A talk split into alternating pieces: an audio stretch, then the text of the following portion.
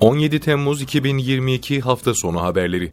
Cumhurbaşkanı Recep Tayyip Erdoğan, Fransa Cumhurbaşkanı Emmanuel Macron'la telefonda görüştü. Cumhurbaşkanlığı İletişim Başkanlığı'ndan yapılan açıklamaya göre görüşmede Türkiye-Fransa ilişkileri ve bölgesel konular ele alındı. Cumhurbaşkanı Erdoğan görüşmede SAMP-T konusunda beklentilerinin tam açıklık prensibi çerçevesinde azami işbirliğini içeren ortak bir sistem geliştirmek ve tedarik projesinin başlatılmasını temin etmek olduğunu ifade etti. Milli İstihbarat Teşkilatı ve Türk Silahlı Kuvvetleri sınır ötesindeki terör örgütlerine darbe üstüne darbe vuruyor.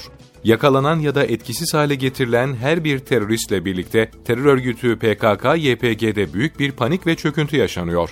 Milli İstihbarat Teşkilatı'nca Irak'ın kuzeyindeki Duhok Gara bölgesinde gerçekleştirilen operasyonda terör örgütünün silahlı kuvvetlerinin yönetildiği sözde PKK-HPG konsey üyesi ve Apollo akademik sorumlusu Dersim Malatya Kod adlı İzzettin İnan etkisiz hale getirildi.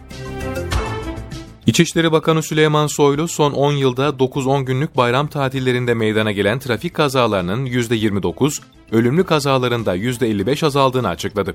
Bakan Soylu sosyal medya hesabından yaptığı paylaşımda bayram boyunca Bolu'dan Anadolu'ya 801 bin, İstanbul'dan 760 bin aracın geçtiğini belirtti. Bakan Soylu, son 10 yılda 9-10 günlük bayramlara oranla kazalar %29, ölümlü kaza %55, can kaybı %52, yaralı %32 azaldı bilgisini paylaştı.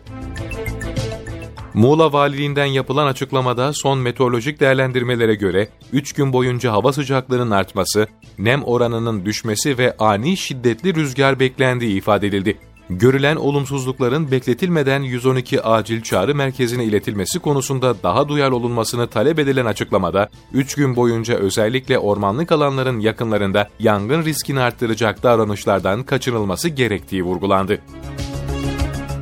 Aşırı sıcaklar Avrupa'nın güneyini etkisi altına almış durumda. Aşırı sıcaklar nedeniyle kırmızı alarmların verildiği Avrupa ve Amerika orman yangınlarıyla savaşıyor. Fransa ve İspanya'da çıkan orman yangınları Avrupa'nın bazı bölgelerinde yetkilileri alarma geçirirken kavurucu yaz sıcaklarıyla birleşince binlerce insan evlerini tahliye etmek zorunda kaldı. Orman yangınları son haftalarda başta Amerika, Fransa, Portekiz ve İspanya olmak üzere diğer Avrupa ülkelerinde de görülürken Amerika'nın bazı eyaletlerinde çok sayıda yangın çıktı ve bunların birçoğu halen devam ediyor.